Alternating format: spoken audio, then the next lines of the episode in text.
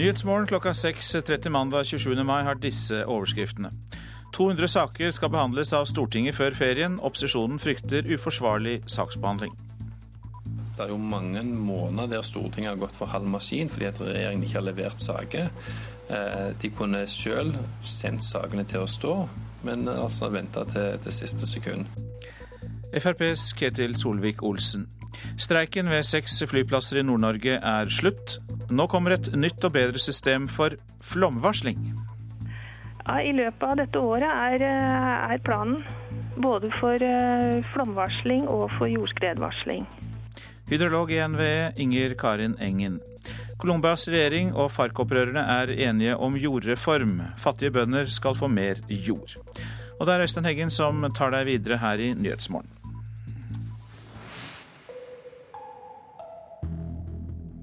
Stortinget skal behandle flere enn 200 saker med flere tusen dokumenter før sommerferien. Opposisjonen mener det skyldes at regjeringen har ventet til siste sekund med å sende fra seg saker. Nå frykter de uforsvarlig saksbehandling. Du kan, du kan ikke oppbehandle Stortinget på den måten og tro at du får gode, gjennomtenkte forslag hvis du skal sitte etter langt på natt hver dag i mange, mange uker i streik. Sier Frp-nestleder Ketil Solvik-Olsen som mener saksmengden fram mot sommerferien er helt unødvendig. Det er jo helt meningsløst at vi har prioritert det på den måten der. Det er jo mange måneder der Stortinget har gått for halv maskin fordi at regjeringen ikke har levert saker. Eh, de kunne selv sendt sakene til å stå, men altså venta til, det siste sekund. Ifølge stortingssekretariatet skal nasjonalforsamlinga vår gjennom 200 saker før de tar ferie. En del er representantforslag, mens godt over 100 kommer fra regjeringa. Alt fra mindre forslag til store saker som Nasjonal transportplan. Og den er en av de som burde komme lenge før, mener leder i transportkomiteen, KrFs Knut Arild Hareide. Eh, de har venta helt bevisst med å legge fram saker. Et eksempel på det er jo Nasjonal transportplan, som vi vet var klappa og klart over en måned før tida. Men så venta likevel regjeringa over en måned med å legge den fram, fordi de skulle selge ut godbiter til media i ulike deler av landet. 200 saker igjen å behandle, 90 representantforslag og 110 innstillinger som kommer fra regjeringen, og 17 møter igjen. Hvordan er det mulig? Ja, Det er nesten sånn at det er ikke helt mulig. Slik har det alltid vært. Liten grunn til å klage, mener finansminister Sigbjørn Johnsen. Det har alltid vært et ønske i Stortinget, og jeg har jo vært her noen år, å prøve som å fordele saka mer jevnt utover året, men det viser at det er vanskelig. For det, jobbes jo med, med saker hele tida, og det har en tendens til å toppe seg mot eh, slutten av perioden. Stortingspresident Dag Terje Andersen fra regjeringspartiet Ap styrer saksbehandlinga i Stortinget. Han mener situasjonen er forsvarlig, men ikke helt ideell. Nei, Det er selvfølgelig hadde vært ønskelig å få bedre spredning på sakene, men det er erfaring fra hvert valgår at det kommer mange saker fra regjeringa. Og det kommer mange, i år da, veldig mange saker fra representantene i form av Dokument 8-forslag. Helt vanlig er det nok ikke, selv om det er valår. Det er nemlig hele 30% flere saker i Stortinget nå enn det var i tilsvarende periode før stortingsvalget i 2009. Og én statsråd vedgår iallfall at det kunne vært litt bedre. Her er miljøvernminister Bård Vegar Solhjell. Det ville være en fordel selvsagt, om man kunne fordele sakene litt mer utover hele året. Men jeg tror mange kjenner seg igjen det, at rett før jul og rett før sommeren så kan det være litt ekstra mye på jobben å gjøre. Men de som sikler etter regjeringsmakt, har en teori. Regjeringa forter seg å bli ferdig med sakene før de må rydde kontoret, tror FrPs Solvik-Olsen. Så Dette vitner jo mer om en sånn desperasjon fra sittende statsråder om å tømme skuffene sine i frykt for at de ikke er til stede der eh, fra 1.10 igjen. FrPs Ketil Solvik-Olsen til slutt der, reportere David Krekling og Håvard Grønli. Streiken ved seks flyplasser i Nord-Norge er nå over. Det skjer etter at NHO Luftfart og Luftfartens funksjonærforening ble enige i går kveld. Dermed kan bakkeansatte i Brønnøysund, Svolvær, Vardø, Vadsø, Mehamn og Honningsvåg gå tilbake på jobb i dag. Streiken startet 12.3 og dreide seg om hvordan forhandlinger og uravstemninger skal foregå. Arbeidstakerne som har streiket, eh, jobbet i firmaer som leverer bakketjenester til flyselskapet Widerøe i Nord-Norge. Regjeringen i Colombia og opprørsgruppen FARC er blitt enige om en jordreform. Enigheten betyr at Colombias mange fattige småbønder kan få tilgang til mer og bedre jord. Utenriksminister Espen Barth Eide sier at jordreform har vært et sentralt punkt i de pågående fredsforhandlingene på Cuba, som Norge er med og legger til rette for. Det som nå har skjedd, er at uh, tidligere bitre fiender, nemlig regjeringen i Colombia og FARC-geriljaen, har klart å bli enige om hvordan de skal jobbe videre på det sentrale spørsmålet som konflikten egentlig har dreid seg om, nemlig fordeling av jord og rettigheter for uh, fattige bønder. Det står nå overfor en, en betydelig reform på landsbygda, og det tror jeg er veldig veldig viktig. Når de er blitt enige om det, så er det grunn til å være optimistisk for en endelig fred i Colombia. Og vi tar med at eh, fredsforhandlingene som Norge tilrettelegger, startet i Hurdal i Akershus i oktober i fjor og fortsatte på Cuba. Og det er altså i Havanna det store fremskrittet nå har skjedd. Og det blir mer om avtalen i Nyhetsmorgen 8.30, da vi får besøk av Jan Egeland. Vannet stiger fortsatt i de store innsjøene, og vannføringen øker i nedre del av Glomma. Men etter flere dager med mye vann er det verste nå over, fastslår fylkesberedskapssjef Espen Pålsrud i NVE. NVE omtaler flommen som en tiårsflom nå. og Det betyr at det blir litt høyere vannstand i Øyeren enn det var i 2011. Eh, og, litt mer vann i Glomma enn det var da. Og Den gangen så var det ikke veldig dramatisk. Flomvarselet fra Norges vassdrags- og energidirektorat sier at eh, flomtoppen på Østlandet i stor grad nå er nådd. Vannstanden i alle flomområder er venta å stabilisere seg i løpet av de kommende dagene. I Gudbrandsdalslågen, Glomma, Numedalslågen og Drammenselva skal toppen allerede være nådd, og vannet vil begynne å trekke seg tilbake. Selv om flommen fortsatt er følsom for kommende regn, mener NVE at utsiktene er gode. Likevel sier Espen Påsrud at det er lurt å være forberedt. Det kan hende at noen få hytter eh, eller eventuelt andre bygninger som ligger helt ned til Glomma, bør eh, tømme kjelleren sin og sikre verdier, men det ser ikke ut til å bli den store dramatikken. Jo Grønde Gudbrands var reporter. Ja, vi har hørt begrepene femårsflom og 50-årsflom, og nå nettopp hørte vi tiårsflom. Det er statistisk uttrykk for hvor lenge det er mellom flommer av forskjellig størrelse. Men eh, hva ligger egentlig i disse begrepene? Nå skal NVE innføre et nytt system for at det skal bli enklere å forstå hvor alvorlig en flom er. Drammenselva er som en hvilende kjempe, der vannmassene rolig beveger seg mot havet. Årets vannmengder karakteriseres som en 50-årsflom, enda det bare er seks år siden sist det var en 50-årsflom. For de som går forbi, er det ikke enkelt å forstå hva begrepene femårsflom og 50-årsflom betyr. Det sier meg at det elva er forferdelig stor, i hvert fall. At det skjer jo hvert femte år. Er kanskje ikke fullt så mye som når det skjer hvert 50 år, så er det vel enda mer heftig enn det det gjør når det er hvert femte år. ja. Mm, det sier vel noe om hvor ofte flommen kommer, da. jeg vet ikke. Men det kan hende at det har noe med størrelsen og jeg vet egentlig ikke så masse om det. Hvis jeg sier at begrepet 50-årsflom det kan brukes tre år på rad, hva tenker du da? Ja, Da må man begynne å bytte begrep, tenker jeg. Nei, jeg skjønner at det er uh, veldig vanskelig. Det sier hydrolog ved NVEs flomvarslingstjeneste, Inger Karin Engen. For å gi bedre varsling av flom, vil NVE innføre et nytt system som skal gjøre det enklere å forstå farene. Vi har på trappene en endring når det gjelder eh, varslingssystemet også for flomvarsling, hvor vi i større grad legger oss på en fargeskala som sier noe om eh, aktsomhetsnivå, eller et slags farenivå. Hvor eh, rødt nivå vil da være det høyeste farenivået, og oransje og gult da som de to laveste farenivåene. Altså at vi baserer oss på tre farenivåer. Vi ser at dette kan være lettere for folk flest å forstå. Hvor raskt eh, vil dere i så fall eh, innføre et sånn type system? Ja, I løpet av dette året er, eh, er planen. Både for flomvarsling og for jordskredvarsling. Likevel vil ikke NVE gi helt slipp på de gamle begrepene. For statistikken gir uansett et bilde på hvor sjelden eller hvor ofte det kommer en flom av forskjellig størrelse. Vi vil nok fortsatt i tillegg gi informasjon om at dette kan være en flom av 50 års gjentaksintervall, eller det kan være en flom av 10 års gjentaksintervall. Altså at vi fortsatt må beholde den, det begrepet også, men at vi i større grad fokuserer på disse her aktsomhetsnivåene. Vi håper jo at denne her fargekodingen skal kunne i større grad fortelle folk eh, hva man har i vente. Det håpet hydrolog ved Norges vassdrags- og energidirektorat Inger Karin Engen. Reporter Knut Brennhagen. Så til avisene og forsidene der. Kongsberg Gruppen jakter på 40 norske rakettingeniører, og de må være norske, kan vi lese i Dagens Næringsliv. Årsaken er at utenlandske ingeniører ikke blir vurdert av sikkerhetshensyn når raketter til kampfly skal utvikles.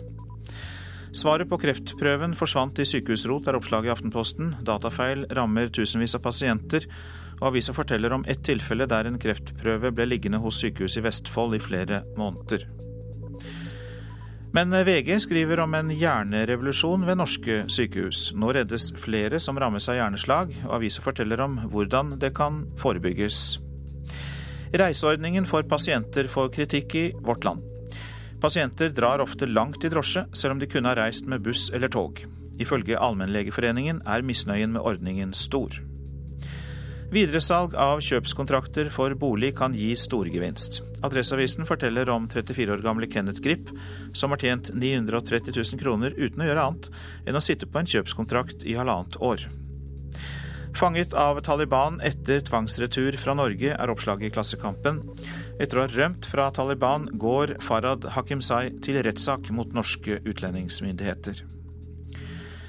Syke Bella Domingo på 81 år skal sendes ut av landet, skriver Bergens Tidende. Etter at hun fikk slag under et besøk hos familien i 2009 her i Norge, så søkte hun om oppholdstillatelse, men nå er endelig avslag kommet. Datteren Maria ser ingen annen utvei enn å bli med henne til hjemlandet. Frp krever et eget departement for å få full kontroll med innvandringen, skriver Dagsavisen. Innvandring blir et kjernepunkt i valgkampen og de eventuelle blå regjeringsforhandlingene, skriver eh, avisa. Flere ønsker å verne rovdyr, viser en meningsmåling utført for Nasjonen. Svært gledelig, sier Naturvernforbundets leder Lars Haltbrekken. Mest sexpress på jobben i disse yrkene, skriver Dagbladet på sin forside. Servicepersonell i hotell og restaurant kommer på topp.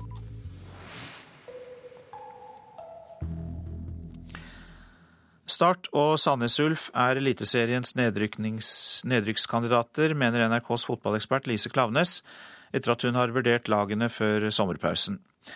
Om ikke lenge så tar den knallharde kampen om å overleve til for fullt. Ja, det er tøft. Odd-trener Dag Eilev Fagermo snakker om kampen om å overleve i Eliteserien etter sommerpausen. Skienslaget ligger på kvalikplass etter 12 av 30 kamper, og tok i går tre viktige poeng mot Sandnes Ulf, som går til ferie med kniven på strupen. Sandnes Ulf de er nå ordentlig ute å kjøre på sisteplass med sine ti poeng. NRKs fotballekspert Lise Klavenes mener det ennå er tidlig å spå hvem som rykker ned, men tror Odd er sterke nok til å overleve, og at disse lagene ligger under nedrykksstreken til slutt. Sandnes Ulf og Start i hvert fall dømt ut fra hvordan de presterte i vår. Start ligger som nummer 13 av 16 lag før pausen, men vil få det vanskelig mot de andre båndlagene, tror Klavenes. Start må helt klart tette igjen. De begynner å jobbe mer strukturert defensivt, for de har så, som sagt så godt offensivt lag, men det hjelper ikke når det når man slipper inn så mye mål bakover. Da blir det at én og én jobber i hver sin retning og driver og utfordrer på kantene. Og hver gang det blir brudd, så blir det farlig. Sandnes Ulf syns jeg rett og slett mangler et gir. De skal være fornøyd hvis de klarer å holde seg. De har hatt mange OK kamper, men de mangler et, et gir for å være med i Tippeligaen. Feil, mener Sandnes Ulf-trener Asle Andersen. Tidligere når vi lå litt sånn uh, dårlig an, så har det skapt en ekstra energi, et ekstra samhold, og vi har kommet knallsterkt tilbake. og Nå skal vi bruke ferien godt, og skal vi ha noen gode treningsdager, og så skal vi komme sterkt tilbake tilbake på, på høsten. Reporter her, det var Hans Henrik Løken. Dette er Nyhetsmorgen, og klokka den er eh, snart kvart på sju, og vi har disse hovedsakene. 200 saker skal behandles av Stortinget før ferien. Regjeringen har ventet til siste sekund med å sende fra seg saker, sier opposisjonen. Streiken ved seks flyplasser i Nord-Norge er slutt. Og ideen kom på et nachspiel. Nå skaper den mange nye arbeidsplasser. Hør mer om Vinjerock litt senere i sendingen.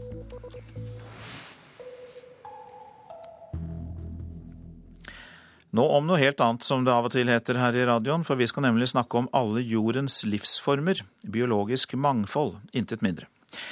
En internasjonal konferanse i Trondheim skal drøfte sikring av biologisk mangfold, og prosjektleder Ivar Baste ved Direktoratet for naturforvaltning, du er med oss fra studio i Trondheim. Og eh, god morgen til deg. God morgen.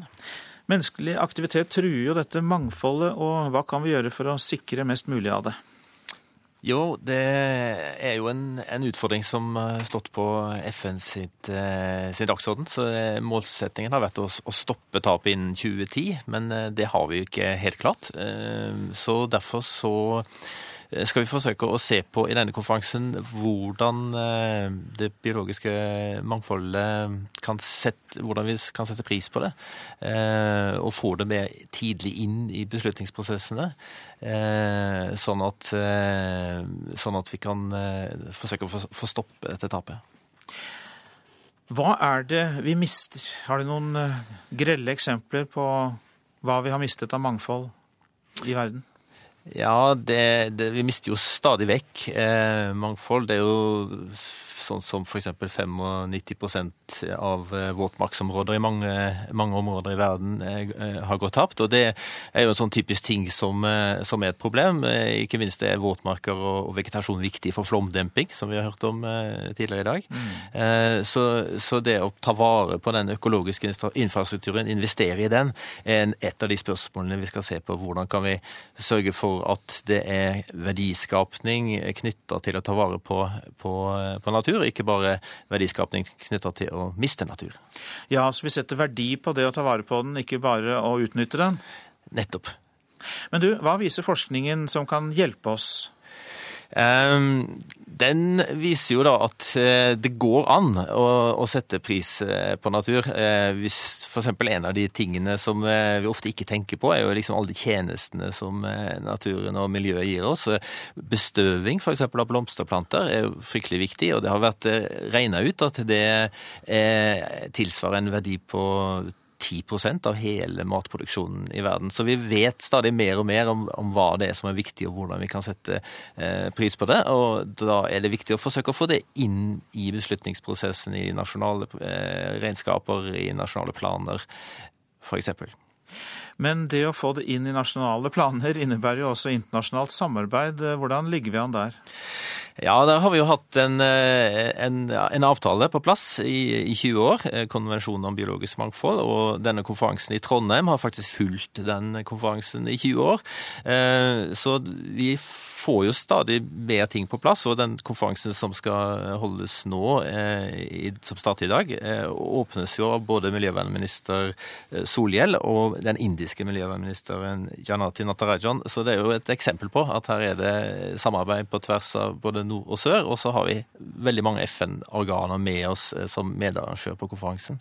Men du startet med å si at ønsket var jo om å stoppe dette tapet av biologisk mangfold innen 2010, og det har vi ikke klart. Så er du optimist eller ikke? Um, nei, det å være optimist for å få stoppe tapet, det er jo en litt utfordring. fordi at de eh, siste 20 årene så har jo verdens befolkning økt med 25 eh, Det totale bruttonasjonalproduktet har økt med 75% og verdenshandelen har tredobla seg. Så presset på både det biologiske mangfoldet og på klimasystemene våre, det øker jo stadig vekk. Eh, men det betyr at vi må være mye mer nøye med å finne ut hva betyr disse endringene for oss, og hvor må vi sette inn støtet. Hva er det som er det aller viktigste å gjøre? Takk skal du ha, Ivar Baste, som alltid var med oss fra Trondheim, der det er en konferanse om biologisk mangfold. Og du representerer da Direktoratet for eh, naturforvaltning. Takk skal du ha. 22 brannmenn hevder de har fått kreft pga. jobben. Flere utenlandske studier viser at brannmenn har større risiko for å utvikle en rekke former for kreft enn resten av befolkningen. Nå vil gruppen som kaller seg Brannmenn mot kreft, kartlegge hvor mange norske brannmenn som har fått kreft Eh, på jobben, sier leder Tommy Christoffersen. Jeg vet at vi blir eksponert. Jeg vet at vi ikke kan beskytte oss 100 mot å bli eksponert. Og eksponeringen den ene gangen går bra, de ti første gangen, 20 gangene går bra. Men over en lang karriere så kan det ende opp i sykdom. Det vet vi. Dette har de gjort i Danmark, og der har jeg kommet til flere hundre brannfolk som eh, faktisk har fått eller dødd av kreft. Så det er jo urovekkende. Og da har vi fått foreløpig 22. og Kanskje det er flere. Det vil jeg, det vil jeg velge å tro, da. Tommy Christoffersen i gruppen Brannmenn mot kreft. Flere som trenger psykiatrisk behandling skal sove hjemme, ikke legges inn på psykiatrisk klinikk. Distriktspsykiatrisk senter i Nedre Telemark sparer 8,5 millioner kroner på å legge ned 15 sengeplasser. Dagbehandling blir alternativet, og helsearbeidere skal reise hjem til pasientene. Sigrun Dalene er en av pasientene i Telemark som har brukt sengeplassene som nå blir lagt ned. Jeg har en time hos uh, psykolog eller psykiater. Jeg har samtale med kontakt, kontaktpleier der nede. Jeg uh, strikker mye. Er en del på det som er igjen av arbeidsterapien. Spiller, ikke minst. Med personal eller med medpasienter. Følger måltidene, følger turer. På hvilken måte hjelper det, syns du? Jeg syns jeg får et pusterom. Litt krefter igjen til å fortsette. Jeg prøver jo å klare meg uten. Men hvis det blir for ille, så, så er det godt å ha det og vite at en har kunnet søke om et tre ukers opphold der. Men da Sigrun Dalene gjennom sin fastlege nylig søkte om et slikt tilbud, fikk hun avslag. I svaret sto det at en sengeenhet skulle legges ned, og at det ville bli 15 færre døgnplasser fra i høst. Dalene må derfor henvende seg til akuttavdelinga hvis hun har behov for innleggelse. For det første så, så vil jeg helst slippe å bli innlagt akutt. Altså Jo lenger jeg er brutt ned, jo mer tid tar det å bygge seg opp. I begynnelsen av 90-åra, da jeg slutta å jobbe og ble satt med uføretrygd, så var jeg vel nærmest svingdørspasient. Jeg kom på akutten, var der, så ut igjen. Så kom jeg inn igjen. Ja. Sykehuset må spare også ved psykiatrien. Eh, forstår du det? Ja, det forstår jeg hvis de har tatt også fra andre avdelinger. Men det er det jeg er litt usikker på.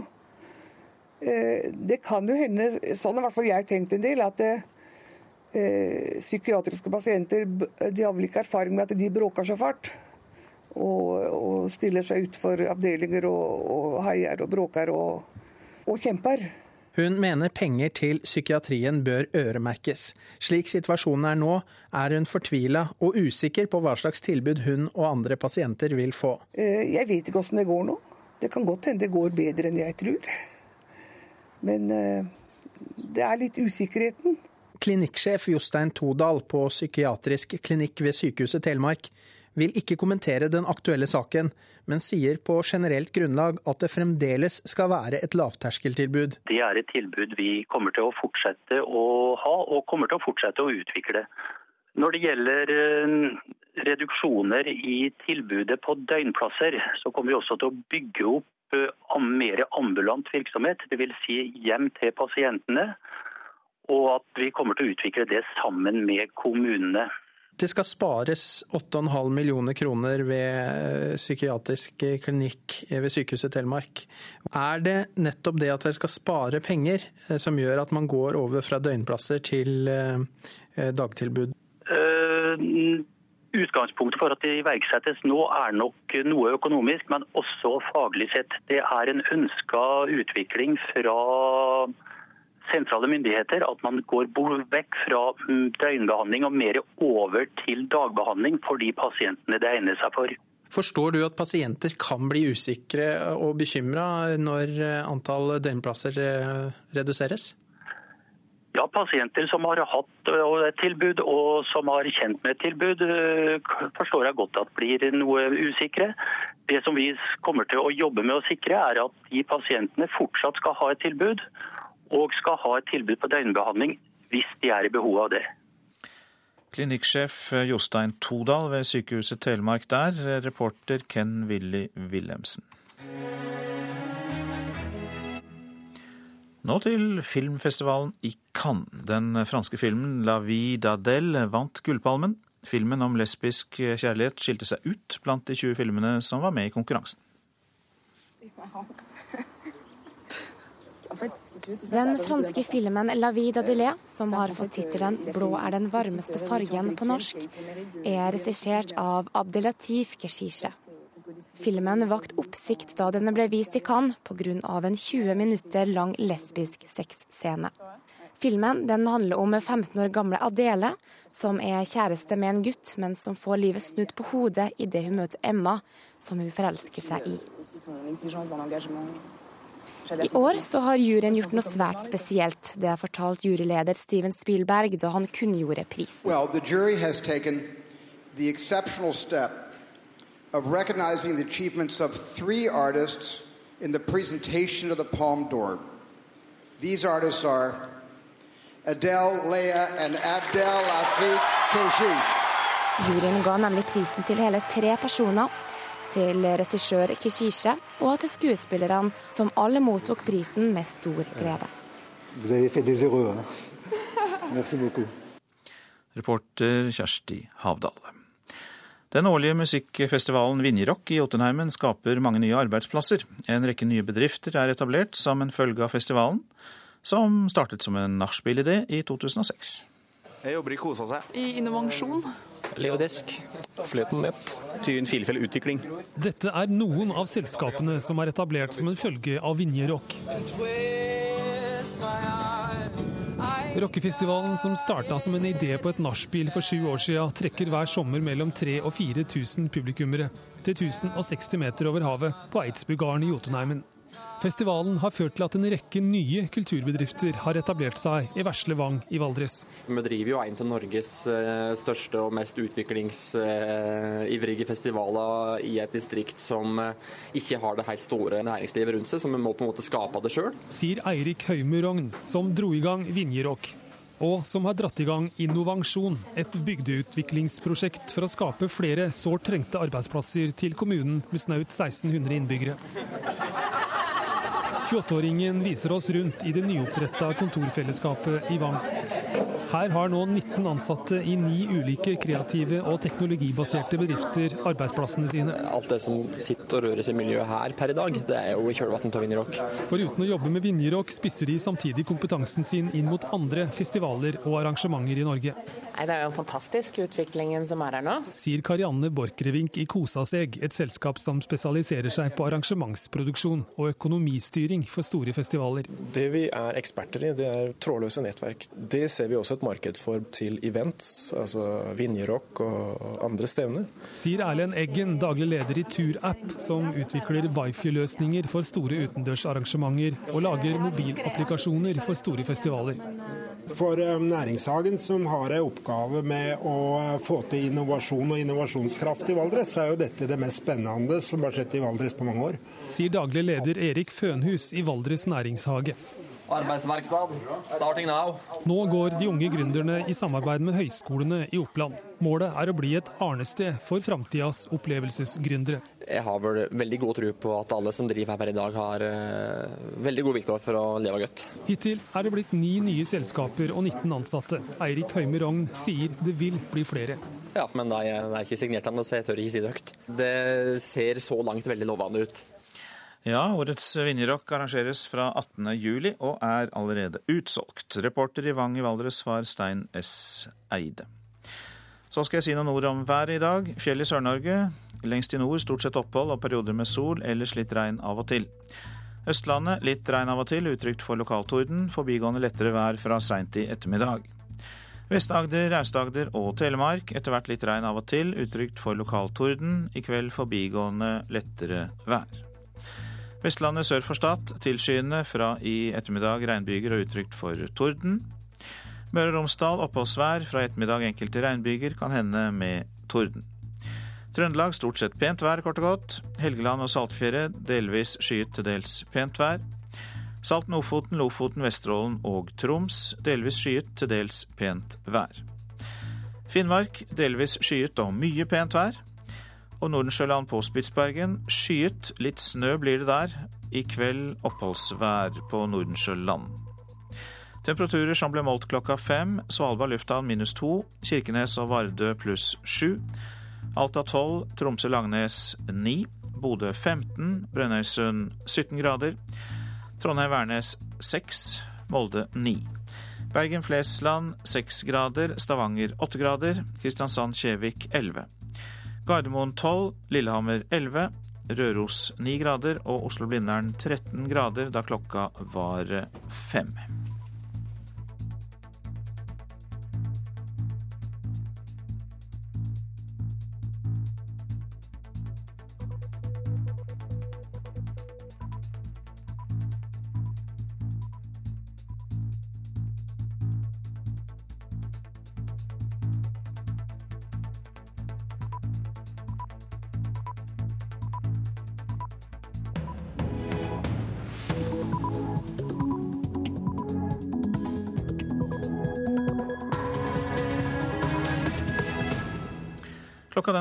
Sju. Du lytter til P2s Nyhetsmorgen. Her er en nyhetsoppdatering. Oljefondet får krass kritikk fra Organisasjonen for samarbeid og utvikling, OECD. Fondet nekter å samarbeide, ifølge ny rapport. Det er total slakt av Norges Bank som forvalter av dette fondet når det gjelder de etiske dimensjonene. Gunhild Ørstavik i paraplyorganisasjonen Forum for utvikling og miljø var det som sa det. 200 saker skal behandles av Stortinget før ferien. Opposisjonen mener dette skyldes at regjeringen har ventet til siste sekund med å sende fra seg sakene. Eh, de har venta helt bevisst med å legge fram saker. Et eksempel på det er jo Nasjonal transportplan, som vi vet var klappa og klart over en måned før tida. Men så venta likevel regjeringa over en måned med å legge den fram. Knut Arild Hareide fra KrF, leder i Stortingets transportkomité. Streiken ved seks flyplasser i Nord-Norge er slutt. Colombias regjering og FARC-opprørerne er enige om en jordreform. Fattige bønder skal få mer jord. Jeg har selv møtt forhandlerne, jeg har også selv møtt uh, sentrale personer i FARC. Jeg har møtt president Santos uh, i Colombia. Det har vært intenst og krevende. Utenriksminister Espen Barth Eide. USAs utenriksminister John Kerry møter i dag sine russiske og franske kolleger i Paris. På dagsorden står konflikten i Syria. Ja, OECD refser oljefondet for manglende åpenhet og samarbeidsvilje. Organisasjonen for økonomisk samarbeid og utvikling har det siste halvåret stilt en rekke spørsmål om oljefondets investering i et sørkoreansk stålselskap. Men fondet nekter å svare på OECDs spørsmål, ifølge en rapport som ble offentliggjort i morges. Fondet bryter dermed retningslinjene for ansvarlig næringsliv, står det i rapporten. Det sørkoreanske selskapet møter protester mot sin virksomhet i India. And angry women of Govindpur and Dinkia partially stripped to demand complete halt to the land acquisition and withdrawal of police force from the site of the Bildene fra indisk TV viser rasende kvinner. De protesterer mot byggingen av en gigantfabrikk i regi av stålselskapet Posco. Planene har ført til at folk i området må flytte. Det er oljefondets investeringer i dette selskapet som er bakgrunnen for kritikken som nå kommer fra OECD. De har ikke noen andre midler å slåss med enn det vi ser her, som er å, å, å kle av seg for å vise sin totale avmakt. Gunhild Ørstavik i paraplyorganisasjonen Forum for utvikling og miljø har klaget oljefondets investeringer i Posco inn for OECDs vaktbikkje, som formelt kalles OECDs nasjonale kontaktpunkt. Påstanden er at Posco er ansvarlig for grove menneskerettsbrudd. Sluttrapporten fra OECD slippes i dag. Det er total slakt av Norges Bank som forvalter av dette fondet når det gjelder de etiske dimensjonene. I rapporten står det bl.a. at oljefondet, eller Statens pensjonsfond utland, har nektet å samarbeide med OECD. Konkret gjelder det 32 spørsmål om investeringen i Posco, som fondet rett og slett ikke vil svare på. Om dette står det Det her er særlig beklagelig i lys av forventningene det norske folk har til statlige selskaper. Ja, god morgen, alle sammen. Tidlig i mars la sentralbanksjef Øystein Olsen frem årsrapporten for oljefondet. I 2012 så leverte Statens pensjonsfond utland det nest beste resultatet i fondets historie. Omtrent samtidig mistet tre mennesker livet i India, i nye sammenstøt i forbindelse med Poscos planlagte fabrikk. Oljefondet har investert 1,4 milliarder kroner i Posco, og eier kun 1% av selskapet. Men det fritar ikke fondet for ansvar, mener OECD.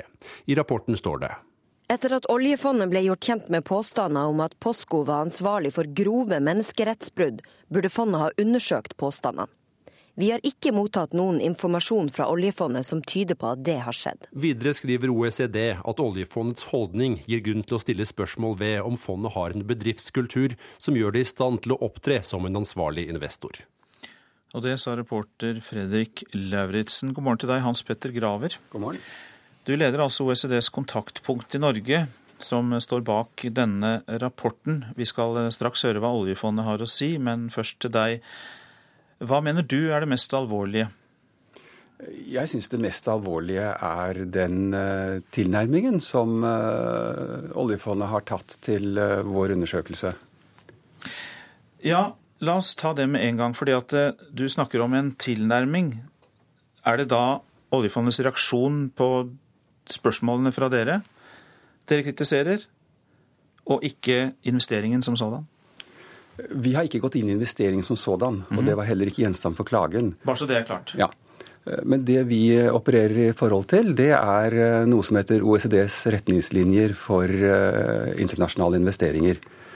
Og det er en internasjonal avtale som OECD-landene, deriblant Norge, har inngått om hvilke forventninger landene har til næringsliv som opererer med Eh, internasjonale investeringer. Ja, Hva legger du i dette med forventninger til næringsliv? Hvor kommer kritikken inn her? Jo, fordi eh, der eh, sier altså retningslinjene at selskaper for det første bør sørge for å ha systemet på plass for å hindre at de bryter menneskerettighetene. og for det andre at de bør samarbeide med det som er overvåkningsorganet så å si, for disse retningslinjene, nemlig de nasjonale kontaktpunktene. Så det betyr at kritikken er eh, i hvert fall i to retninger. Det ene er eh, oljefondets evne til samarbeid med dere, eller vilje. Og det andre er at de da ikke har nok eh, verktøy eller systemer for å fange opp menneskerettighetsbrudd. Ja, Vi vet jo ingenting om hva slags systemer de har, for det vil de da ikke fortelle verken oss eller offentligheten. Hva er da din og OECDs anbefaling når det gjelder slike verktøy, slike systemer, for å fange opp brudd på menneskerettigheter i de selskapene man investerer i? Ja, De bør ha uh, kriterier for når de reagerer, og hva slags standarder de setter i forhold til selskaper de er investert i. Og så bør de ha rutiner for å kartlegge og overvåke risiko. Og så bør de ha rutiner for å håndtere konkrete saker når de får kunnskap om at det foreligger risiko for at det er brudd på menneskerettigheter. Nå hører det også med til historien at oljefondet har en liten andel her. Det er vel 1 andel. I hvilken grad kan oljefondet virke inn på de beslutninger som tas i et så stort selskap? Det viser seg at eh, minoritetsaksjonærer eh, som eh, oljefondet i mange saker kan ha ganske stor innflytelse. Men, men det er ikke så godt å si på forhånd, for det kommer helt an på det enkelte selskapet. Men det kommer også an på hva slags type Eh, kontakt som en investor tar med det enkelte selskapet. Takk skal du ha, Hans Petter Graver. Du leder altså OECDs kontaktpunkt i Norge, som vurderte dette her, og er også da dekan ved juridisk fakultet ved Universitetet i Oslo. Trond Grande, velkommen til deg. Takk. Du er nestleder i Statens pensjonsfond utland. Vi har altså ingen debatt mellom dere to, men du har hørt det som er blitt sagt her, så hva sier du til kritikken? Nei, Vi eh, registrerer at eh, det norske kontaktpunktet har eh, avgitt en slutterklæring i denne prosessen. Vi tar vårt samfunnsansvar svært alvorlig og jobber langsiktig og prinsipielt for å sikre at de selskapene som vi investerer i, har en ansvarlig investeringspraksis. Så er det dette med mangel på åpenhet og samarbeidsvilje som helt tydelig kommer fram i den rapporten. Åpenhet er veldig viktig for oss. Vi syns at det å ha en åpen dialog om fondet eh, bidrar til å sikre, eh, sikre tilliten til fondet i, i, i, Norge. Jo, men altså dette er jo en kritikk eh, som startet med at Gunnar Ørstavik og Forum for utvikling og miljø kritiserte virksomheten til dette koreanske selskapet, da bl.a. i India, bare for å gå helt tilbake til starten her, så alle er klar over det. Og er det kjedelig og plagsomt for dere at en gruppe som Forum for utvikling og miljø har mulighet til å gå inn og be OECD kikke dere i kortene? Vi støtter eh, OECDs retningslinjer og baserer vårt eierskapsarbeid på det. Vi støtter også det norske kontaktpunktet, eller kontaktpunktene generelt, sin rolle i å, å, bidra til å sette fokus på ansvarlig investeringsvirksomhet. Men hvorfor samarbeider dere da ikke? Hvorfor svarer dere ikke? Hvorfor uh, gir dere ikke helt konkrete svar på de konkrete spørsmål som er gitt? Vi oppfatter at vi har hatt en dialog, og vi har prøvd å være konstruktive i dialogen med det norske kontaktpunktet. Eh, flere av de spørsmålene som ble stilt, eh, egnet seg bedre å svare på i møteform, og vi har hatt møte med, med kontaktpunktet for å prøve å gjøre rede for vår ansvarlige investeringspraksis. Men hva syns dere om virksomheten til dette koreanske selskapet i India, som faktisk har ført til store protester, demonstrasjoner og tre dødsfall? Vi, eh, vi, avventer eh, det sørkoreanske kontaktpunktets behandling av klagesaken mot Posco, og, og ser på hva, de, hva slags konklusjoner de, de, trekker. Nå har jeg også lest i denne rapporten fra OECDs kontaktpunkt at de kommer med flere råd til oljefondet om endring av praksis, og jeg nevner da systemer som kan påvise brudd på menneskerettigheter, utvikle flere verktøy for sitt engasjement at menneskerettigheter behandles på linje med barnas rettigheter, som i og for seg er ivaretatt, og bygge allianser med likesinnede investorer. Det er i hvert fall fire punkter som jeg har notert meg, med ønske til dere. Hva sier du deg til, til disse ønskene og kravene fra, fra OECD? Nei, Vi tar imot eh, alle innspill med takk. Eh, alle disse områdene er ting som vi allerede arbeider eh, helt systematisk med. Vi, vi setter forventninger til selskapene våre og er eksplisitte på og er tydelige på hvilke forventninger vi har til selskapene vi investerer i. Vi utøver vår eiermakt gjennom å stemme på så, lang, så mange generalforsamlinger som det lar seg gjøre å stemme på.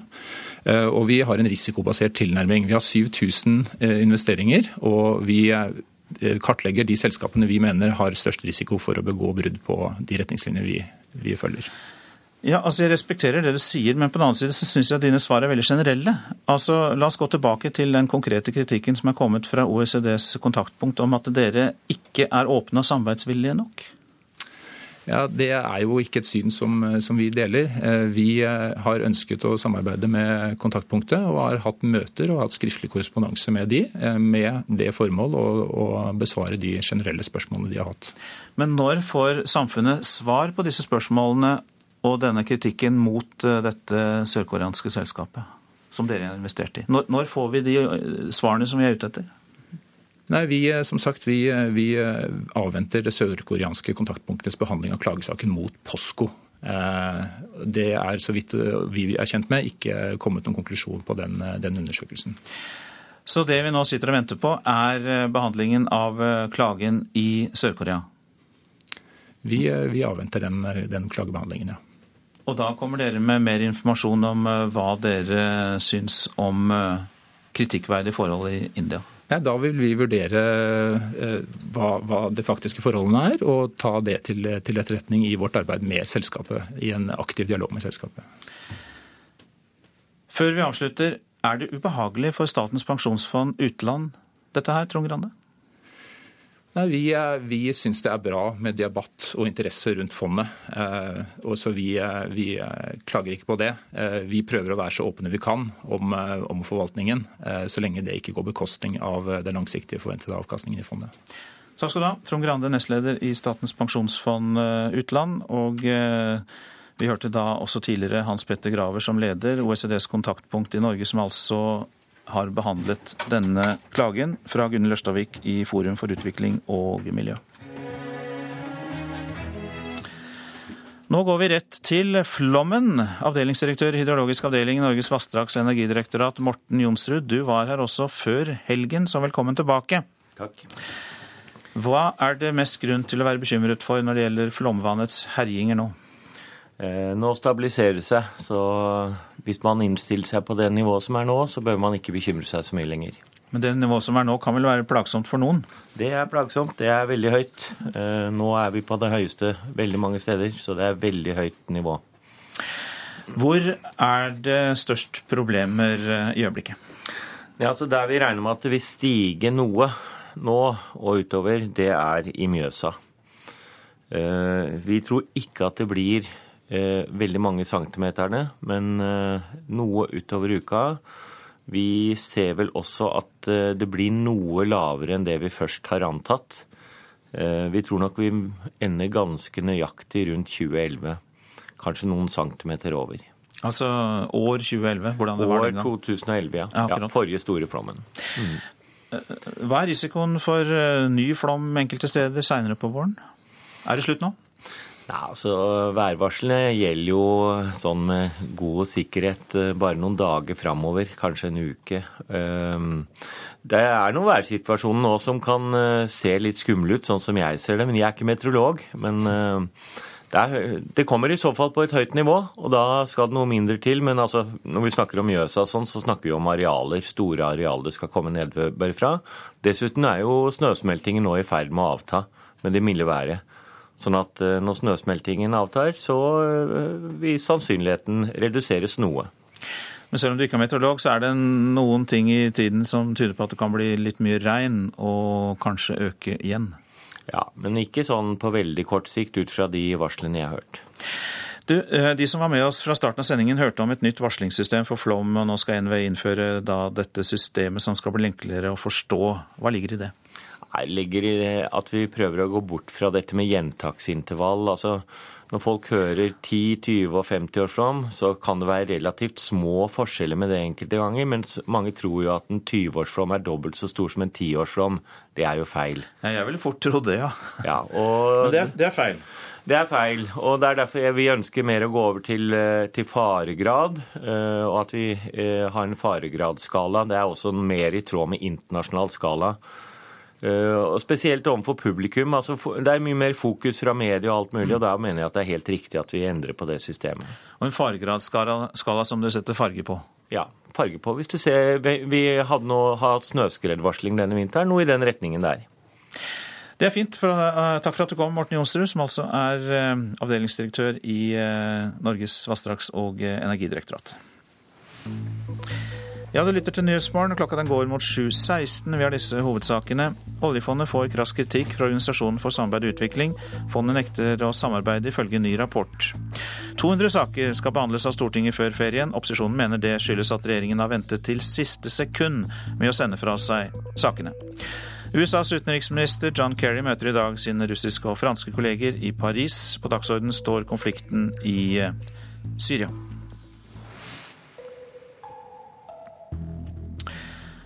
Og den saken går vi til nå. I eh, går så ble det kjent at syriske myndigheter vil delta på en fredskonferanse i Genéve i eh, juni. Og imens eh, krangler opposisjonen internt om hvilke krav de skal stille til denne konferansen. Dette kan fort bli en skjebneuke for muligheten for en fredelig løsning i den over to år lange syriske borgerkrigen, som så langt har kostet over 80 000 mennesker livet. Når John Kerry møter Russlands Sergej Lavrov i Paris i dag, er målet å spikre fast en agenda for Genéve-konferansen, som kan få både den syriske opposisjonen og Assad-regimet til å sette seg ned for å prate sammen.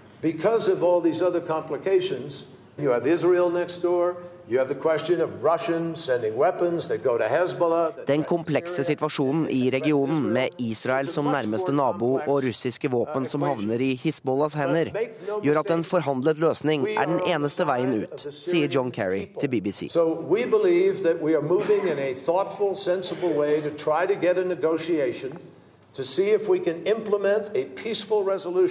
In to to to. Men i Istanbul hersker full krangel internt i den syriske nasjonalkoalisjonen. I knivingen mellom religiøse og sekulære fløyer diskuteres bl.a. hvilke krav de skal stille for å sette seg til bords med Assad-regimet.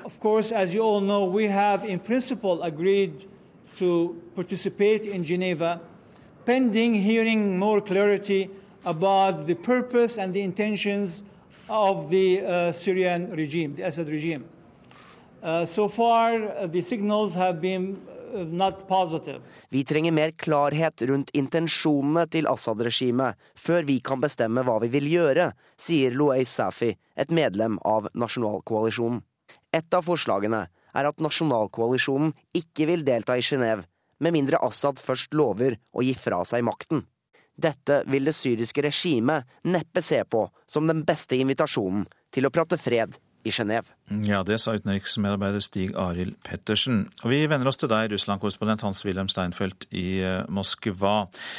Ja, hvilken rolle er det USA og Russland eh, spiller nå i denne, dette, i denne sammenhengen med Syria? USA har jo vært eh, opposisjonens beste våpensmed. Russland det samme for Assad-regimet. Russland har hele tiden insistert på at den opprinnelige skissen til en Genéve-konferanse måtte eh, være veien å gå. Og eh, i denne sammenhengen så skal altså da John Kerry og Sergej Lavrov i dag sammen med Frankrikes utenriksminister diskutere detaljene hvordan denne Genéve-konferansen, i hvert fall sett med stormaktenes øyne, kan bli mer fruktbar enn det har vært så langt. Ja, Hva med franskmennenes rolle? Har de større innflytelse? Kan i større grad enn USA lirke Moskva videre i denne saken? Jeg tror det går andre veien. Nylig sa president Vladimir Putin at Russland tradisjonelt finner en løsning med franske myndigheter. La meg også minne om at um, forut for den amerikanske invasjonen i Irak, så var det Moskva, Berlin og Paris som sto for opposisjonen mot invasjonen i Irak. Slik at jeg tror faktisk talt at uh, med Frankrike mer inne i spillet nå, så tror jeg presset mot John Kerry og amerikansk utenrikspolitikk eh, øker eh, nettopp fordi franskmenn og russere tenker mer likt om Midtøsten enn USA gjør. Ok, Styrker mer den russiske siden enn den amerikanske, altså? Ja. Ja. Midtøsten-korrespondent Sigurd Falkenberg Mikkelsen, du er med oss også. Den libanesiske organisasjonen Hizbollah viser sin tydelige støtte til Syrias president. Altså, Vi må jo ikke glemme det. Eh, for dette er jo virkelig blitt uh, veldig fokus på i det siste. Og hvorfor i all verden gjør de det? Det er flere ting. For det første så har det lenge vært et iransk ønske og også krav om at de skal være tydeligere. Og de har jo gått da fra å ha en passiv, eh, litt skjult rolle med bl.a. beskytte en del eh, landsbyer hvor det bor libanesere i Syria, også en del hellige sjiamuslimske steder i Syria, til å gå på offensiven den siste uka eh, i og rundt byen Koseir, som er sunnimuslimsk. Og det at Iran har bestemt seg for at Bashar al-Assad skal overleve, og at alle deres allierte må gjøre det de kan for å støtte opp dette, gjør at Hizbollah også må yte sin skjerv. Eh, dernest eh, egeninteresse. De får alle våpnene sine eh, stort sett fra Iran, men gjennom Damaskus. Og De ser også på Assad-regimets fall som meget alvorlig for organisasjonens overlevelse. De har Israel med et åpent fiendeforhold på den ene siden, og en sunnimuslimsk befolkning som er mer og mer fiendtlig innstilt til Hizbollah. Men hvilken risiko kan dette ha for, Lib for Libanon og, det, og mulighetene for mer uro der? Den er veldig stor. Libanon er eh, meget uh, spent nå. Det at Hizbollah har gått ut på denne måten som generalsekretær Hassan Nasrallah gjorde i helgen, med så tydelig støtte, så krigersk språkbruk, det er helt nytt. Hizbollah er den absolutt største og mektigste organisasjonen i landet, både politisk og militært, og, men har også møtt sterk kritikk. og er jo, Libanon er jo splittet på samme måten som Syria i de som er for og de som er mot Bashar al-Assad. Så ser vi også at den, den regionale spenningen øker, eh, da stort sett over en shia-sunnimuslim-akse, eh, som også preger f.eks. Irak veldig sterkt nå. Men det blir altså da, ser ut til å bli eh, en fredskonferanse i Genéve i juni. Og helt til slutt til deg, Hans-Wilhelm Steinfeld. Hvorfor har russerne blokkert FNs muligheter til å sette foten ned når det gjelder opprøret mot Syrias president? Fordi Russland hele tiden under denne konflikten har eh, sagt at det ikke kan være et utgangspunkt at Assad-regimet må gå av for å få fred. Det er nettopp det som er forhandlingspoenget, og det er jo her opposisjonen stritter imot. Russland har også med kraft påpekt at opposisjonen i Syria er splittet. Her er det også Al Qaida-inspirerte elementer, og viser til hvor uregjerlig både opposisjonen mot mot, eh, mot eh, Saddam Hussein i Irak ble, for ikke å snakke om eh, USAs gamle allierte i Afghanistan den gang Sovjetunionen kriget der. Det ble til Taliban, og Russland har hele tiden prøvd å advare USA om at de gjør opp regning uten hvert ved ensidig å satse på opposisjonen i Syria. Takk til mine herrer korrespondentene, Hans-Wilhelm Steinfeld og Sigurd Falkenberg Mikkelsen. Så hjem til avisene. Kongsberg Gruppen jakter på 40 norske rakettingeniører, og de må være norske, kan vi lese i Dagens Næringsliv. Årsaken er at utenlandske ingeniører ikke blir vurdert av sikkerhetshensyn når raketter til kampfly skal utvikles. Svaret på kreftprøven forsvant i sykehusrot, er oppslaget i Aftenposten. Datafeil rammer tusenvis av pasienter, og avisa forteller om ett tilfelle der en kreftprøve ble liggende på sykehuset i Vestfold i flere måneder. VG skriver om en hjernerevolusjon ved norske sykehus. Nå reddes flere som rammes av hjerneslag, og avisa forteller også om hvordan det kan forebygges. Reiseordningen for pasienter får kritikk i vårt land. Pasienter drar ofte langt i drosje, selv om de kunne ha reist med buss eller tog. Ifølge Allmennlegeforeningen er det en ordning det er misnøye med. Videresalg av kjøpskontrakter for bolig kan gi storgevinst. Adresseavisen forteller om 34 år gamle Kenneth Grip, som har tjent 930 000 kroner uten å gjøre annet enn å sitte på en kjøpskontrakt i halvannet år. Fanget av Taliban etter tvangsretur fra Norge, er oppslaget i Klassekampen. Etter å ha rømt fra Taliban går Farad Hakimsai til rettssak mot norske utlendingsmyndigheter. Syke Bella Domingo på 81 år skal sendes ut av landet, skriver Bergens Tidende. Etter at hun fikk slag under et besøk hos familien i 2009, søkte hun om oppholdstillatelse, men nå er endelig avslag kommet. Datteren eh, Mia har, ser ingen annen utvei enn å bli med henne tilbake til hjemlandet.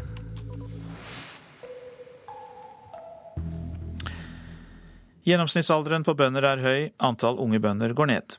Bondelaget i Møre og Romsdal har nå satt i verk tiltak for å hjelpe eldre bønder på vei mot pensjonsalderen og de vanskelige valgene de må ta om gårdsdriften. Reporter Gunnar Sandvik har besøkt småbruket til organisasjonssjef i Møre og Romsdal Bondelag, Arnar Lykke i Gjemnes. Den sauen jeg har, det, det er gammel norsk spel. Og det er jo en av de gamle sauerasene i Norge. Grunnen til at jeg har det, er jo det at eh, naboene her på Osmarka drev med det før jeg begynte. slik at eh, jeg kjøpte sauer av dem. Så nå, nå er vi, vi er fem stykker da, som driver med sånne sauer som dette her. Og vi, og vi driver veldig mye i fellesskap. Sjøl om det er et lite småbruk, det her, så er det litt arbeid? Ja, nå på vårparten med lamming og ut på beite og beiteslepp og, og klipping og alt det her, så, så går det mange arbeidstimer og våronn, og snart skal vi produsere fôr osv. Veldig mange lignende gardsbruk i fylket vårt som hvert år også går ut av drift. Ja, det er klart når bonden blir pensjonist f.eks., da er det ikke bestandig slik at det står folk klar til å ta over drifta. Du sjøl, 49 år, du nærmer deg faktisk snittalderen i fylket på, på bøndene? Ja, snittalderen er 51 år. Så det gjør jeg. Og 20 av bøndene i Møre og Romsdal er over 62 år. Slik at det er veldig mange som nærmer seg pensjonsalder. Ja, Så hvert eneste år i fylket vårt så er det kanskje nærmere et par hundre bønder som, som gir seg, og som kanskje vurderer skal de legge ned gården, skal de holde fram en stund til, eller hva skal de gjøre? Ja, det er, det er stor spenning rundt generasjonsskiftet på mange gårdsbruk. og Sett fra samfunnets side da, så er jo dette her viktig. For det at du kan si at når en, en veldrevet gård blir nedlagt med et veldrevet driftsapparat, så, så skjer det jo et stort samfunnsøkonomisk tap når drifta blir lagt ned. En, en påkosta melkefjøs den, den, har liten verdi når melkekvota blir solgt og, og, og drifta nedlagt. for å si det. Nå griper dere i Bondelaget det her aktivt med å sette i gang et prosjekt for å ja, litt målretta mot dem som nærmer seg pensjonistalder blant bøndene. Ja, vi gjør det. Vi ønsker å hjelpe bønder i eh, disse her vanskelige prosessene. De bøndene nå som nærmer seg pensjonsalder, mange av dem lurer veldig på hva neste generasjon vil. Og neste generasjon greier ikke å bestemme seg. Og og dette der er en sånn uavklart sak som ligger der. Og hvis vi kan hjelpe til der, bidra til forbedra dialog og hjelpe med en del avklaringer på, på spørsmål, slik at vi kan få videreført drifta på flest mulig bruk, så tror vi det er, det er vel anvendt ressurser. Ja, Hvordan konkret kan dere jobbe imot eh, bøndene som går og lurer på hva de skal gjøre nå? Nei, Det er jo masse spørsmål rundt det her. ikke sant? Eh, hvor skal jeg bo hen hvis jeg legger ned gården? Og hvem skal i så fall, hvis ikke ungene mine vil ta over, er det, er det da andre? Er det aktuelt å selge? Kan jeg få fradelt ei tomt så jeg kan bygge meg et hus på annen plass på gården? Ja, det, det, er masse ting å vurdere her. Nei, men er målet da å, å påvirke noen til å drive videre, når det kanskje knapt nok er, er levebrød? Vi mener jo at det er veldig fremtidsretta å produsere mat, og det må det alltid være. Og I en verden der vi blir stadig flere folk og, og deler om ressursene, så, så må det være fremtidsretta å produsere mat. Og Nå har vi jo landbruksmeldinga til regjeringa som sier det at vi skal øke matproduksjonen med 20% til kommende 20-årsperiode, og da, da trenger vi bønder. Vi hørte bonde- og organisasjonssjef i Bondelaget Møre og Romsdal, Arnar Lykke, til reporter Gunnar Sandvik. Prosent for Nyhetsmorgen er Marit Selmer Nedrelid. Her i studio Øystein eh, Heggen. I Politisk kvarter kvart på åtte er den norske modellen og FrPs klimapolitikk temaer.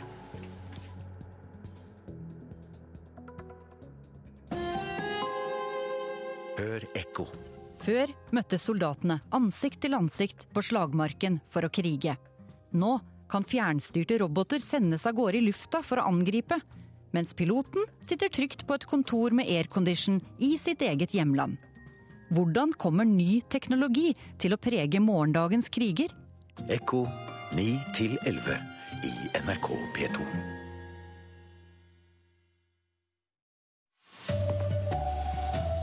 Oljefondet får flengende kritikk. OECD mener fondet mangler åpenhet og samarbeidsvilje. Stortinget skal behandle flere enn 200 saker på fire uker. Det er uforsvarlig, mener opposisjonen. Og vannet stiger fremdeles i de store innsjøene, men det verste er over, mener ekspertene. Riktig god morgen, her er NRK Dagsnytt klokken er 7.30. Oljefondet får krass kritikk av OECD. Det siste halvåret har Organisasjonen for økonomisk samarbeid og utvikling stilt en rekke spørsmål om oljefondets investering i et sørkoreansk stålselskap. Men fondet nekter å svare på OECDs spørsmål, ifølge en rapport som ble offentliggjort nå i morges. Det koreanske selskapet møter protester for sin virksomhet i India. And angry women of Govindpur and Dinkia partially stripped to demand complete halt to the land acquisition and withdrawal of police force from the site of the Bildene fra indisk TV viser rasende kvinner. De protesterer mot byggingen av en gigantfabrikk i regi av stålselskapet Posco. Planene har ført til at folk i området må flytte. Det er oljefondets investeringer i dette selskapet som er bakgrunnen for kritikken som nå kommer fra OECD. De har ikke noen andre midler å slåss med enn det vi ser her, som er å, å, å kle av seg for å vise sin totale avmakt. Gunhild Ørstavik i paraplyorganisasjonen Forum for utvikling og miljø har klaget oljefondets investeringer i Posco innenfor OECDs vaktbikkje, som formelt kalles OECDs nasjonale kontaktpunkt. Påstanden er at Posco er ansvarlig for grove menneskerettsbrudd. Sluttrapporten fra OECD slippes i dag. Det er total slakt av Norges Bank som forvalter av dette fondet når det gjelder de etiske dimensjonene. I rapporten står det bl.a. at oljefondet, eller Statens pensjonsfond utland, har nektet å samarbeide med OECD. Konkret gjelder det 32 spørsmål om investeringen i Posco, som fondet rett og slett ikke vil svare på. Om dette står det Det her er særlig beklagelig i lys av forventningene det norske folk har til statlige selskaper. Videre står det i rapporten etter at oljefondet ble gjort kjent med påstander om at Posco var ansvarlig for grove menneskerettsbrudd, burde fondet ha undersøkt påstandene. Vi har ikke mottatt noen informasjon fra oljefondet som tyder på at det har skjedd. Reporter her var Fredrik Lauritzen. Oljefondet kjenner seg ikke igjen i kritikken om mangel på åpenhet og samarbeidsvilje. Det sier nestleder for Statens pensjonsfond, pensjonsfond utland, Trond Grande. Han sier fondet tvert imot har ønsket å samarbeide med OECDs norske kontaktpunkt. Ja, Det er jo ikke et syn som, som, vi deler. Eh, vi eh, har ønsket å samarbeide med kontaktpunktet og har hatt møter og hatt skriftlig korrespondanse med de, eh, med det formål å, å, besvare de generelle spørsmålene de har hatt. Men når får samfunnet svar på disse spørsmålene og denne kritikken mot dette sørkoreanske selskapet? Nei, vi, som sagt, vi, vi avventer det sørkoreanske kontaktpunktets behandling av klagesaken mot Posco. Eh, det er, så vidt vi er kjent med, ikke kommet noen konklusjon på den, den undersøkelsen. Intervjuet her, det var Øystein Heggen. Stortinget skal behandle flere enn 200 saker med flere tusen dokumenter før sommerferien. Opposisjonen mener dette skyldes at regjeringen har ventet til siste sekund med å sende fra seg sakene, og nå frykter de uforsvarlig saksbehandling kan, du kan ikke behandle Stortinget på den måten og tro at du får gode, gjennomtenkte forslag hvis du skal sitte til langt på natt hver dag i mange, mange uker i streik. Sier Frp-nestleder Ketil Solvik-Olsen, som mener saksmengden fram mot sommerferien er helt unødvendig. Det er jo mange måneder der Stortinget har gått for halv maskin fordi at regjeringen ikke har levert saker. Ifølge stortingssekretariatet skal nasjonalforsamlinga vår gjennom 200 saker før de tar ferie. En del er representantforslag, mens godt over 100 kommer fra regjeringa. Eh, de har venta helt bevisst med å legge fram saker. Mener leder i transportkomiteen, KrFs Knut Arild Hareide. Et eksempel på det er jo Nasjonal transportplan, som vi vet var klappa og klart over en måned før tida. Men så venta likevel regjeringa over en måned med å legge den fram, fordi de skulle selge ut godbiter til media i ulike deler av landet. Liten grunn til å klage, mener finansminister Sigbjørn Johnsen. Det har alltid vært et ønske i Stortinget, og jeg har jo vært her noen år, å prøve meg som å fordele saka mer jevnt utover året, men det viser at det er vanskelig. Helt vanlig er det nok ikke, selv om det er valår. Det er nemlig hele 30% flere saker i Stortinget nå enn det var i tilsvarende periode før stortingsvalget i 2009. De som sikler etter regjeringsmakt, har en teori. Så Dette vitner jo mer om en sånn desperasjon fra sittende statsråder om å tømme skuffene sine i frykt for at de ikke er til stede der eh, fra 1.10 igjen. Reportere her var David Krekling og Håvard Grønli. Flomtoppen er nå trolig nådd. Nå er det ventet at flommen på Østlandet stabiliserer seg. Det sier avdelingsdirektør for hydrologi ved Norges vassdrags- og energidirektorat, Morten Jonsrud. Nå er det i ferd med å, å, synke eller å, å kulminere alle steder. Dvs. Si vannstanden er opp mot sitt høyeste eller er i ferd med å falle. Dermed ser det ut til at dramatikken er over for flommen for denne gang. I Gudbrandsdalslågen, Glomma, Numedalslågen og Drammenselva er toppen allerede nådd, og vannet vil nå trekke seg tilbake. Sjøl om flommen fortsatt er følsom for kommende regn og vær, mener Jonsrud at utsiktene er gode. Det er sensitivt for været, men uh, vi må regne med at det må komme en del nedbør før uh, vi kommer opp eller begynner å snu igjen. Altså De store endringene regner vi nå med at er over i, i denne omgang. da. Tross at toppen er passert, så anbefales folk å fortsatt være forsiktige. I mange små vassdrag har det vært opp mot 50 års flom. Fylkesberedskapssjef ved Fylkesmannen i Østfold, Espen Pålsrud, anbefaler folk å være forsiktige. Det kan hende at noen få hytter eh, eller eventuelt andre bygninger som ligger helt ned til Glomma, bør eh, tømme kjelleren sin og sikre verdier, men det ser ikke ut til å bli den store dramatikken. Det kan ta flere uker før vannføring og vannstander er tilbake til det normale, sier Jonsrud. De store vassdragene er langsiktige greier. Det, er, det, tar lang tid, det. Men, eh, men jeg kan tenke meg nå i løpet av en ja, par ukers tid så begynner det å, å normalisere seg, men Mjøsa vil stå høyt relativt lenge. Morten Jonsrud i NVE, og reporter her, det var Jogrunde Gudbrands. Etter flere måneder med streik i Nord-Norge, så er eh, luftfartsstreiken nå over, etter at NHO Luftfart og Luftfartens funksjonærforening ble enige i går kveld. Dermed kan bakkeansatte i Brønnøysund, Svolvær, Vardø, Vadsø, Mehamn og Honningsvåg nå gå tilbake på jobb. Leder i Luftfartens funksjonærforening, Asbjørn Vikestad, sier de ansatte er lettet over at streiken nå er over. Det verste er jo det for det publikum som for det første er jo vårt, vårt levebrød. Og for det andre som er veldig veldig avhengig av, uh, at det går fly. Så vi har jo prøvd gang på gang på gang å få bevegelse i denne streiken og se til å komme til en løsning. Og uh, i går kveld så lyktes vi, da. Norske toppsjefer tjener i gjennomsnitt rundt 19 ganger så mye som vanlige ansatte. I USA tjener konsernsjefene 324 ganger så mye som gjennomsnittsarbeideren. Lønnsforskjellene i Norge er små sammenlignet med andre land, og da særlig i USA. Det skriver Aftenposten. Norge har kultur for sentraliserte lønnsforhandlinger med LO på den ene siden og NHO på den andre. Og markedskreftene får løpe fritt og på mindre fritt og påvirker lederlønningene indirekte. Det sier Ivar Bragelien ved Norges handelshøyskole i Bergen til avisen. Spania har kjøpt nye ubåter. Disse ubåtene kan ikke dykke.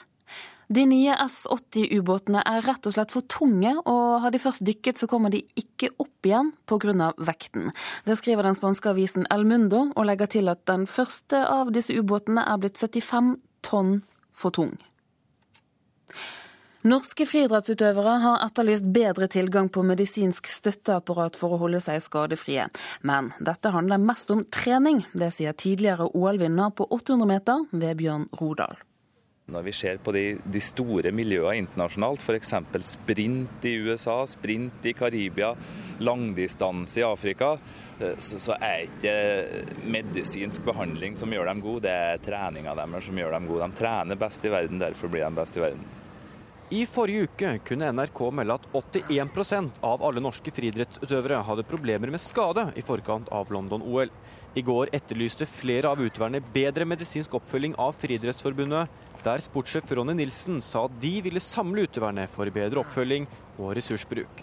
Ikke nødvendigvis rett måte å gjøre det på, mener Rodal. Det er jo langt større forskjell på kulestøt og mellomdistanseløp enn det er på ski og kombinert f.eks. Sånn at det er ikke så lett å samkjøre miljøer. Det handler om at hver enkelt idrett må prøve å optimalisere innenfor de rammene de har til rådighet, og ikke nødvendigvis tenke samhandling for enhver pris, tror jeg. Reporter her var Henrik Jonassen. Ansvarlig for denne sendingen var Elin Pettersen og Per Iver Nordahl. Her i studio, Turi Grønbekk.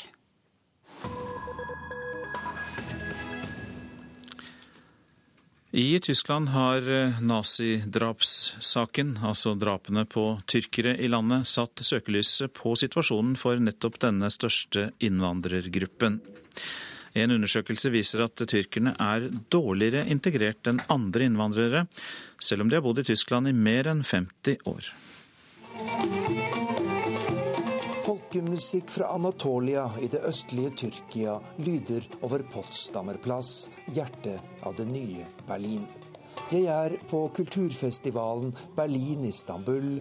Musikk, billedkunst, kunsthåndverk og matlaging er noen av innslagene, og ideen er å bringe en liten bit Istanbul til den tyske hovedstaden, for derved å bekjempe mistro og fordommer, sier Berini Leri, talskvinne for festivalen. Vi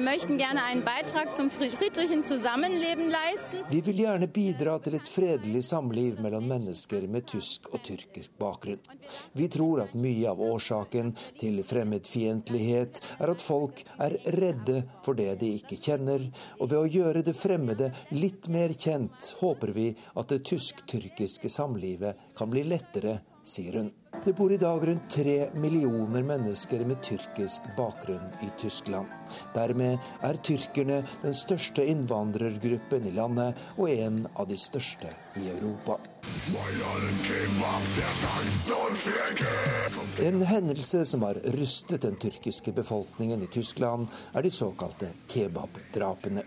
Ni innvandrere, åtte av dem med tyrkisk bakgrunn, ble myrdet av en nynazistgruppe, og selv om drapene pågikk over en periode på mer enn seks år, greide tysk politi og etterretning aldri å oppklare saken. Talskvinnen for Berlin-Istanbul-festivalen mener dette har skadet tyrkernes tillit til tyske myndigheter betydelig. Dette er selvfølgelig en helt forferdelig sak, og det har tyske myndigheter innsett.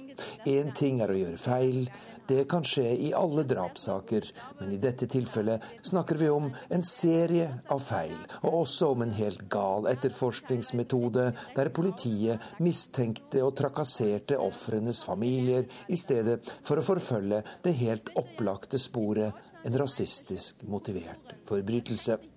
En undersøkelse i den tyrkiske storavisen Hyrriyet denne uken viser nå at tyrkerne er den minst integrerte av de store innvandrergruppene i Tyskland. Undersøkelsen viser også at hele 93% av tyrkerne i Tyskland gifter seg med andre med tyrkisk bakgrunn. Situasjonen er vanskelig, men bildet er ikke helsvart, mener den tyske psykologen Harald Felkenayer. Dort, wo sich die Türken äh, isoliert fühlen, ausgeschlossen fühlen, ist nicht gelungen. Der hvor tyrkerne trekker seg tilbake i lukkede miljøer til såkalte parallellsamfunn, har integrasjon vært en katastrofe. Men det er mange tyrkere som gir viktige og positive bidrag til det tyske samfunnet.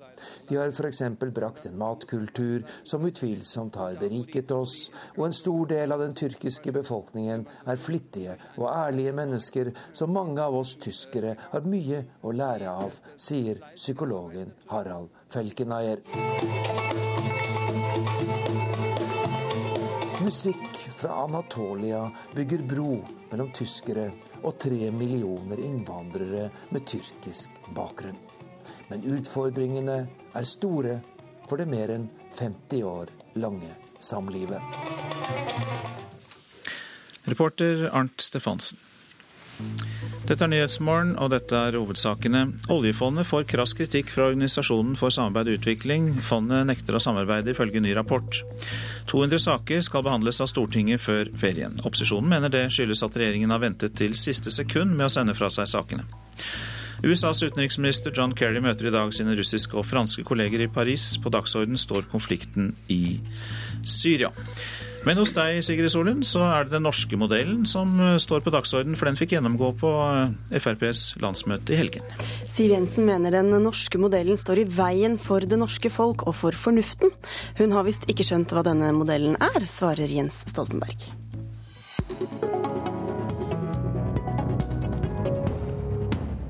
Når politistudenter med bestått eksamen ikke får fast jobb, ja, da står den norske modellen i veien for det norske folk. Eller når eh, polsk politi har topp moderne utstyr finansiert av norske skattebetalere, men det norske politi sliter med gammelt utstyr. Da står den norske modellen i veien for det norske folk. Handlingsregelen står i veien for fornuftige tiltak. Men mine damer og herrer, da står den norske modellen i veien for det norske folk! Et lite potpurri fra Fremskrittspartileder Siv Jensens tale til eget landsmøte på fredag. Statsminister Jens Stoltenberg, hva tenkte du da du hørte dette angrepet på den norske modellen? Jeg tenkte at det i og for seg var befriende klart. At det er eh, en ærlig sak at Fremskrittspartiet er uenig i den eh, samfunnsmodellen vi har utviklet i Norge over eh, flere tiår. Og det har Fremskrittspartiet vært i 40 år. Vi har i 40 år sagt at vi beveger oss i gal retning, og likevel har vi kommet til et sted som er bra sammenlignet med hvordan det var i Norge tidligere, og bra sammenlignet med hvordan det er i andre land, men selvfølgelig ikke en feilfri samfunnsmodell. Men hva er det ved den norske modellen du mener at hun angriper, da? Hun angriper jo selve det grunnleggende vi har oppnådd, nemlig at vi får til mer i fellesskap enn å overlate den enkelte til seg selv. At det å ha gode fellesskap i den enkelte eh, frihet. Det er knapt noe annet samfunn der enkeltmennesket har større frihet. I samfunn som har bygget gode, sterke fellesskap, enten en god offentlig fellesskole, det er barnehager, eller er det et pensjonssystem som vi betaler for i fellesskap. Trygge mennesker er frie mennesker. Trygge mennesker våger mer. Og dette er en samfunnsmodell der vi har greid å kombinere en sterk offentlig velferdssektor med et veldig dynamisk og privat eh, arbeidsliv, eh, næringsliv.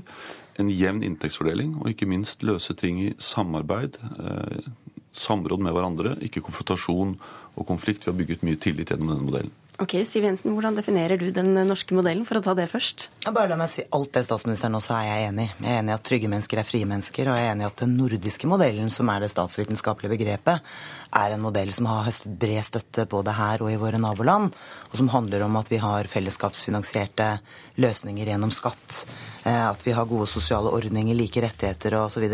Det er det ingen uenighet om. Det jeg har vært opptatt av å få frem i min tale, er at etter hvert så begynner modellen å stå i veien for individene.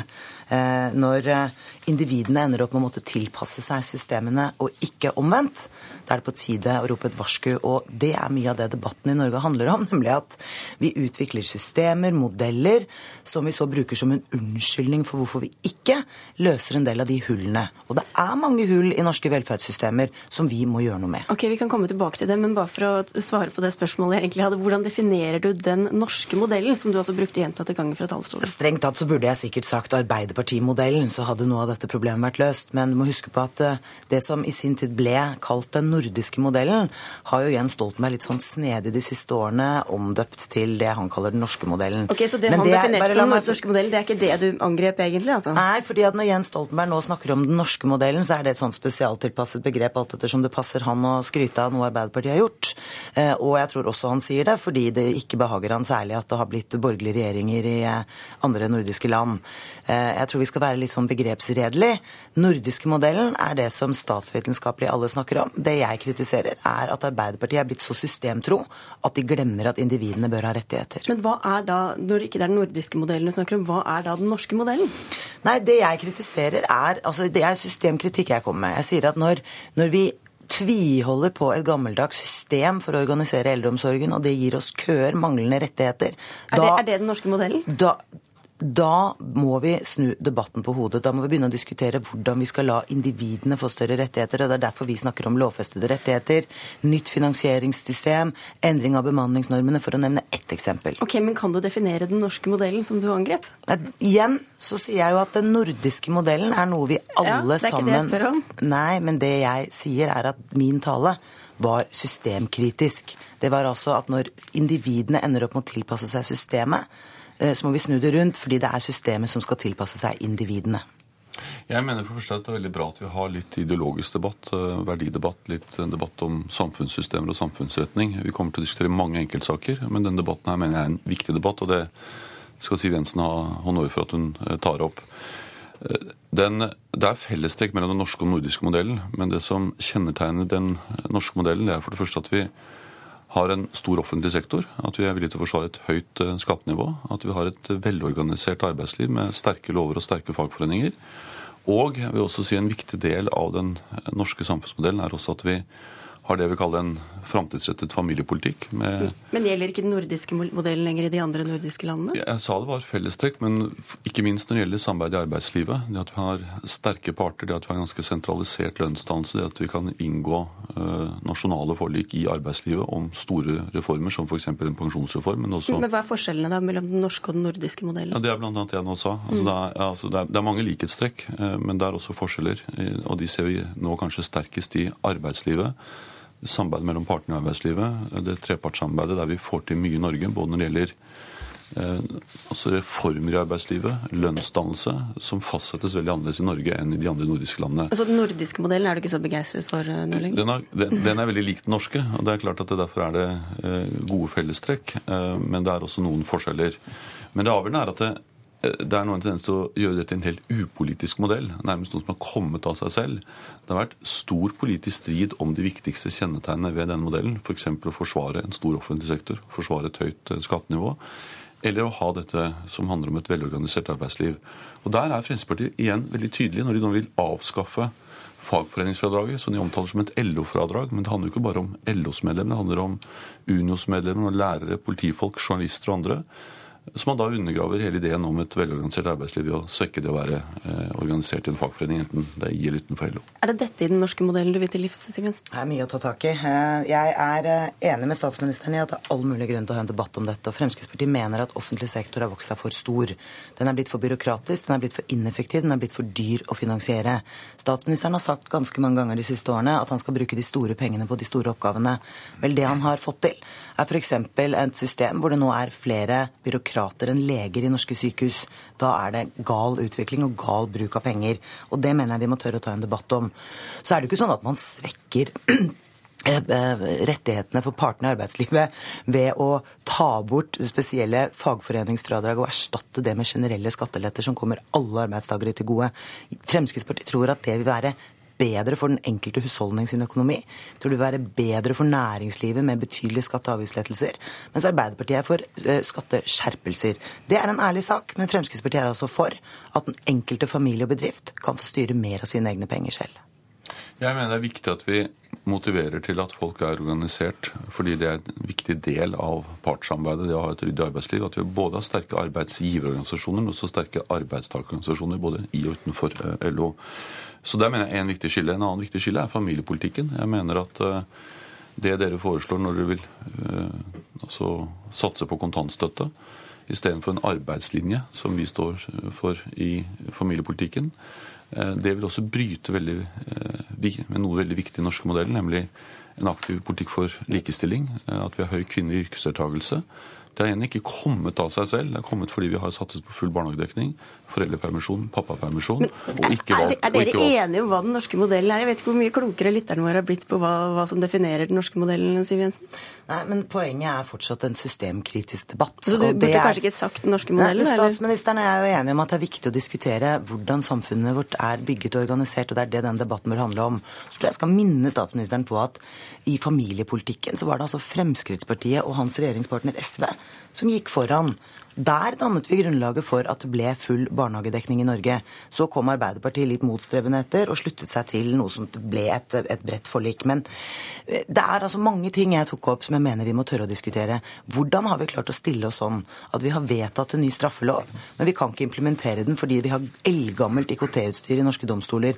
Da er det systemet igjen som er problemet. Nemlig at man, nei, at man holder fast i f.eks. denne handlingsregelen som forteller hva vi kan bruke av penger for å ta nyinvesteringer. Noe av det smarteste vi gjør, er å investere i vår egen fremtid. Investere i vekst, investere i verdiskaping, investere på en sånn måte at vi bruker ressursene våre bedre. Mm. Og her er det mange uløste oppgaver som jeg mener statsministeren svikter på. Vi kan ikke gå inn i alle, men Jens Stoltenberg, når mener du selv at systemet blir viktigere enn menneskene? Systemet har aldri viktigere menneskene. System... Tror du det kan oppleves sånn for folk der ute? da? Ja, Det kan det helt åpenbart gjøre. og Det er en grunn til at vi hele tiden skal reformere, være samfunnskritiske og se på mangler og svakheter. Det er jo ikke slik at vi hevder at det norske samfunnet er feilfritt, eller den norske modellen er uten forbedringsmuligheter. Men det vi sier er at sammenlignet med andre land, sammenlignet med hvordan det var i Norge tidligere, så får vi samlet sett til mer i dag enn før, fordi vi har utviklet en norsk samfunnsmodell som har vist seg å være eh, god og sterk, ikke minst å gi enkeltmennesker mulighet til å leve de livene de selv ønsker å leve. Problemet er at mange enkeltmennesker ikke kan det. Dere skryter av at vi har veldig lav arbeidsledighet i Norge, men det står altså 600 000 mennesker i arbeidsfør alder på utsiden av arbeidsmarkedet. Mange av dem vil gjerne jobbe. Mange av dem har i hvert fall delvis arbeidsevne. Mange mm. funksjonshemmede som sier at de gjerne vil jobbe, men som ikke får jobb. De er altså med andre ord arbeidsledige, men Stoltenberg har puttet i en annen kø.